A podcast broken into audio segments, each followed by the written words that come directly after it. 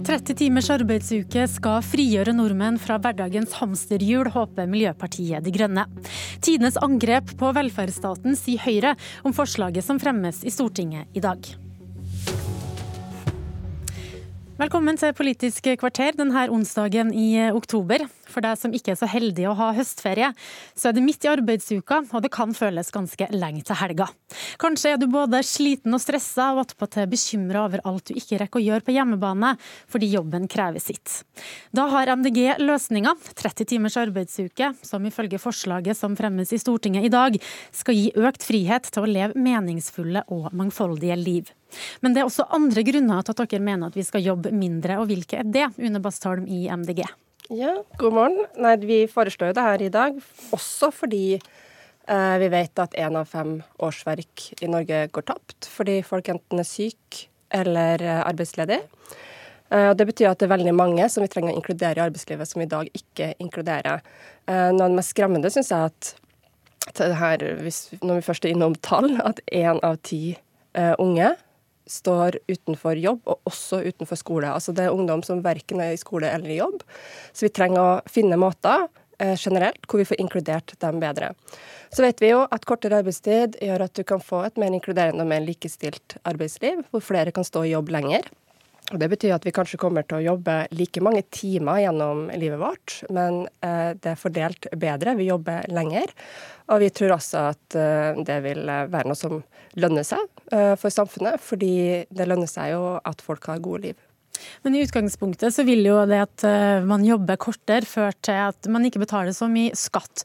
Hvordan skal dere finansiere det her?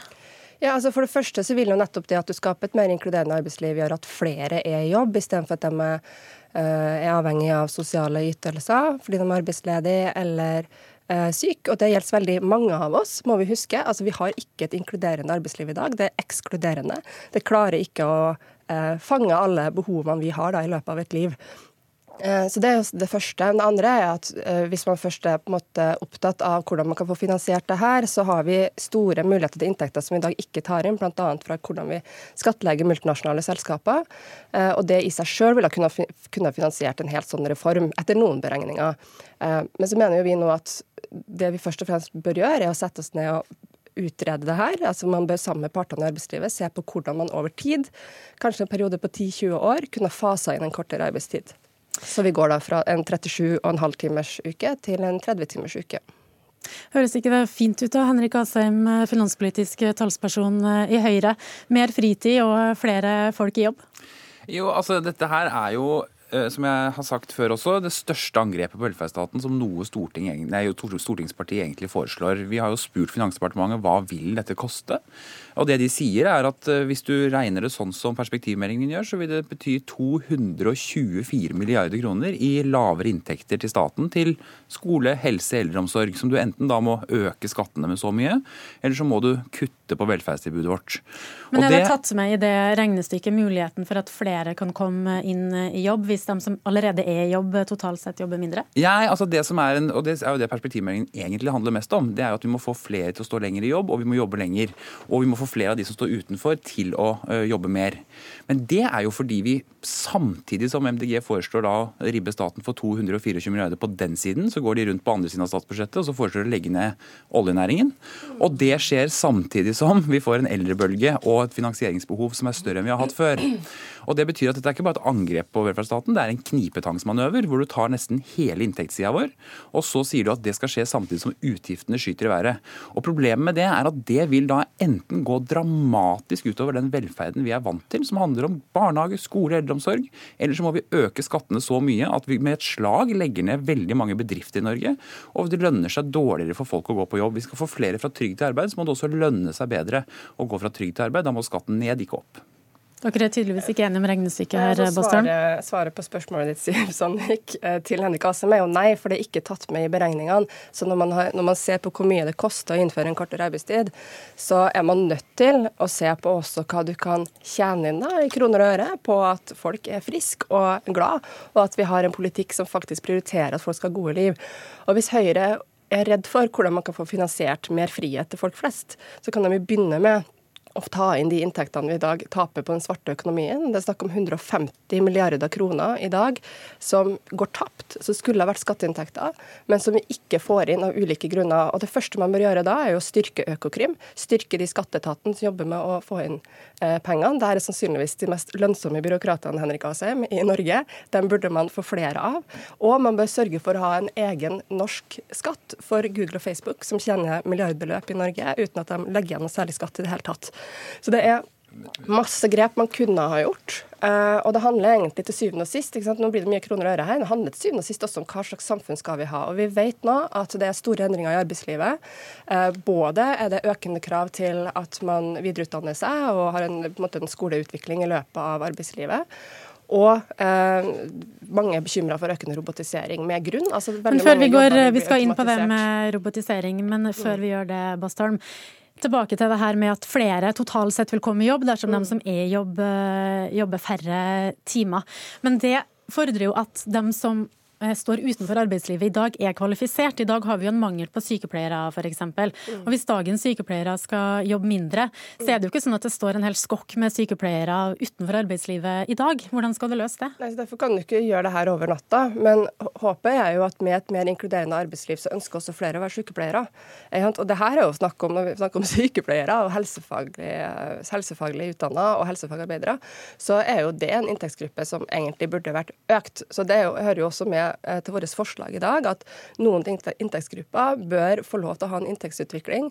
Um, og få økt lønn, selv om vi mener jo at en sånn arbeidstidsreform også innebærer at vi tar ut mer av produktivitetsutviklinga da, gjennom robotisering og sånn, i, i kortere arbeidstid istedenfor økt lønn. Og det er jo det som egentlig er det vi ofte er inne og debatterer, da. Uh, ikke finansieringa, men at uh, mange syns det er provoserende at vi foreslår at man kan ta ut mer av, uh, av måte, si, godene vi får ved at vi gjør jobbene mer effektivt, i mer fritid, mer tid til å være menneske, være med familien, tid til mm. eh, vennene dine, istedenfor økt lønn. Noe som vi gjør fordi vi ser også at eh, i undersøkelser sier flertallet at de heller vil ha mer fritid enn en økt lønn. Ja, Asheim, Når eh, robotene kommer for fullt inn i arbeidslivet og kan eh, gjøre mange oppgaver overflødige, eller oppgavene blir ikke overflødige, men menneskene som gjør dem, eh, kan bli det, er det ikke da lurt å dele på de arbeidstimene som blir igjen? Jo, dette kommer til å utfordre oss. Dette har jo skjedd før i menneskets historie også. Og vi har jo tatt noe av det ned på arbeidstid tidligere. altså Det at vi blir mer effektive gjør at vi har også kortere arbeidstid. Vi hadde ti timer, nå har vi åtte timer osv. Men, men det er klart at den teknologien og den muligheten gjør egentlig bare at bøygen blir litt mindre. Fordi vi vet at vi er nødt til å skape flere eh, jobber i privat sektor. Vi trenger å skape flere verdier for å betale for pensjonene til oss som sitter her, og våre barn igjen. Og Det betyr igjen at den motoriseringen og automatiseringen er egentlig bare en unik mulighet for oss til å klare oss. Eh, og Oppå det så skal vi da altså skape de verdiene. Og så er jeg, helt enig, altså jeg er helt enig, Det å gå på jobb er liksom ikke mål i seg selv, men vi må ikke snakke om det å jobbe som bare et problem. Jeg tror Hvis du Nei, ikke har jobb, så tror jeg du opplever det nettopp det at noen ringer og spør hvor blir det av deg om morgenen, det at du får lønn inn på konto hver måned, det at du som familie vet vet at boliglånet kan betales på tida, at barnehageregningen kommer og den kan også betales. Det er viktig velferd for folk.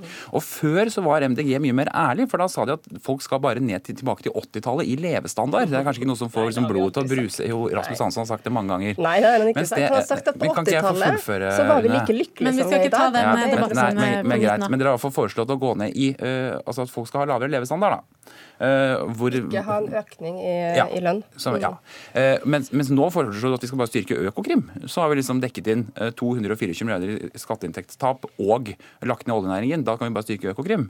Det går ikke. Og MDG er altså et parti på Stortinget i Norge. Du kan ikke foreslå den typen massive angrep på inntektssida i staten uten å forklare bedre enn du gjør nå hvor du skal ta de pengene fra. For dette betyr mindre velferd til folk, lavere lønn for folk og et angrep på den norske modellen. Som handler om at mange jobber, og de jobber effektivt og bra. Og vi har mer ferie og fritid enn mange andre land. Og det er viktig, men det kan ikke være slik at vi nå tar så store inntekter fra velferdsstaten vår. Ja, Bastard, er det realistisk å tro at man kan få slutt på alt eh, svart arbeid og dekke inn deler av det her, i hvert fall, på den måten? Sannsynligvis får vi ikke slutt på alt svart arbeid, men nå kuttes det jo Økokrim, og det er jo i hvert fall feil vei å gå. Eh, det er blitt mer muligheter i verden gjennom globalisering og den digitaliseringa vi har til å drive skatteplanlegging og unndra seg fra skatt. Eh, så det er helt åpenbart at man burde styrka den innsatsen, og der er det mye penger penger å hente. Og så tror jeg liksom, Både jeg og Henrik Asheim er finanspolitikere. Begge vi er opptatt av at eh, velferdsstaten skal være finansiert. Jeg tror det er forskjell på oss i hvor stort vi tør å tenke. Eh, jeg mener at vi må se på inntektene vi faktisk kan få ved at flere kan stå i jobb lenger, og ikke minst eh, måte vil det lønne seg Det er jo litt sånn rart å måtte snakke et sånt språk i det hele tatt, men det vil jo lønne seg at folk har gode liv. De kan være i jobb lenger, og du kan få Uh, muligheter til å utvikle deg også litt mm, mer gjennom karrieren. Eh, og derfor, ja, men derfor er også LO interessert i det her nå. ikke sant? For de mm. ser at arbeidslivet har endra seg. Det er ikke lenger sånn at du utdanner deg på et tidspunkt, går inn i jobb, og så skal du stå der med den faste uh, arbeidstida di gjennom hele året. Og det, Asheim, det siste spørsmålet går til deg. Hvis det er en trussel mot velferdsstaten å kutte i arbeidstida, vil vi ikke da få en bedre velferdsstat hvis man foreslår å øke antall timer vi skal jobbe i uka? Eh, jo, det kunne du gjort, men det er ikke noe lurt. Det er mye bedre å sørge for at folk f.eks. står lenger i jobb. Derfor har vi en pensjonsreform som som levealderjusterer når vi skal gå av med pensjon f.eks. Og det andre er å nettopp inkludere flere i arbeidslivet. Derfor har vi en regjering som også snakker om en inkluderingsdugnad. Og at du kan si at LO er for dette. Vel, Fellesforbundet, som organiserer konkurranseutsatt industri, er kraftige motstandere av sekstimersdag. For de sier det kommer til å med et slag hindre konkurransekraften til norsk industri, og dermed også verdiskapingen i Norge. Det var det vi rakk i denne debatten. Jeg aner ikke hvor lang deres arbeidsdag blir i dag, Une Bastholm i MDG og Henrik Asheim i Høyre, men jeg takker for at dere starta den her i Politisk kvarter. Abonner på Politisk kvarter som podkast, og få sendingen rett til din mobil. Nå skal vi snakke om det politiske dramaet som gjør at politiske journalister kan se langt etter kortere arbeidsdager, med det første i hvert fall. Vi snakker selvfølgelig om KrFs veivalg. Skal de søke regjeringsmakt på borgerlig eller rød-grønn side? Ingen vet hvordan velgerne vil reagere på det valget KrF lander på, men muligens så kan tidligere valg gi oss en pekepinn. Og der kommer du inn, valgforsker ved Institutt for samfunnsforskning, Johannes Berg. Velkommen. Takk skal du ha. I fjor så gjorde KrF tidenes dårligste valg på 4,2% Hvem var det som stakk av med KrF eh, sine velgere da? Ja, Det var både borgerlig og rød-grønn side, egentlig. Senterpartiet, Høyre eh, og Fremskrittspartiet tok eh, KrF sine velgere. Så velgerne gikk i begge retninger. Men når de gikk mot de rød-grønne, så var det altså Senterpartiet som tok dem? Først og fremst Senterpartiet, litt, litt grann Arbeiderpartiet også. Men, men velgerne delte seg i to, egentlig. Så det var like mange som gikk i hver retning. KrF hadde jo sin storhetstid på slutten av 90-tallet og starten av 2000-tallet. Mm. Og hvem tok de velgere fra den gang, da de fikk 14% nesten i 1997? Ja, i 97 var jo det KrFs beste valg noensinne, og da tok de velgere eh, særlig fra eh, Senterpartiet, delvis fra Arbeiderpartiet, eh, men også litt fra, fra Høyre. Men den gangen var det jo mest fra partier til venstre for KrF. Så kan man jo diskutere Senterpartiet den gangen var jo ikke på rød-grønn side, men, men, de lå vel kanskje likevel til venstre for uh, KrF. Så det er de her eh, Senterpartiet- og Ap-velgerne som eh, KrF-leder Knut Arild Hareide håper å vinne tilbake når han råder partiet og samarbeider med de rød-grønne? Ja, det kan man tenke seg til. Eh, Senterpartiet er et parti som har gjort det bra i det siste, og som selvsagt har en del eh, velgere som har beveget seg eh, inn og ut. Så, så det kan være et, et, ønske for KrF sin del. Men samtidig så, så kan de også miste velgere selvsagt til borgerlig side. Ja, for det snakkes jo mye om grunnfjellet i KrF, altså mm. dem som alltid har stemt på KrF. Hva vet vi om dem? Ja, eh, Grunnfjellet det, det, er jo de mest eh, De som alltid har stemt KrF, det er de mest religiøse, de som er religiøst aktive eh, i Norge, og som identifiserer seg med KrF. De heller litt mer mot borgerlig side enn de andre velgerne hos, hos KrF. Så de ønsker seg sannsynligvis et samarbeid med Høyre, f.eks. Men, men heller ikke i den gruppen er det særlig støtte for et samarbeid med Fremskrittspartiet. Så om KrF gjør som Hareide sier, da, så risikerer de å provosere grunnfjellet. Mm, mm. Og da må de lykkes i å vinne nye velgere om de skal overleve som parti? Det er klart det. Hvis man støter fra seg det, det grunnfjellet man har og ikke klarer å vinne nye velgere, så, så har man et alvorlig eh, problem. Så, så, så, det er en, en risiko, eh, den, den, eh, løypa som KrF da eventuelt legger, legger ut på. Men, men, samtidig så er det jo sånn at grunnfjellet i, i KrF blir mindre eh, for, valg, eh, for, hvert valg. De blir eldre, og det er en mindre gruppe som, som da faststemmer på, på KrF. Så, dermed er man kanskje nødt til å ta noen grep uansett. Jeg har en sterk følelse av at vi i Politiske kvarter kommer til å diskutere KrFs veivalg flere ganger, før fasiten kommer i starten av november. Takk for at du var med i denne runden, Johannes Berg, som leder valgforskningsprogrammet ved Institutt for samfunnsforskning. Nå er klokka straks åtte. Det betyr tid for en nyhetsoppdatering før Nyhetsmorgen fortsetter. Mitt navn det er Siv Sandvik.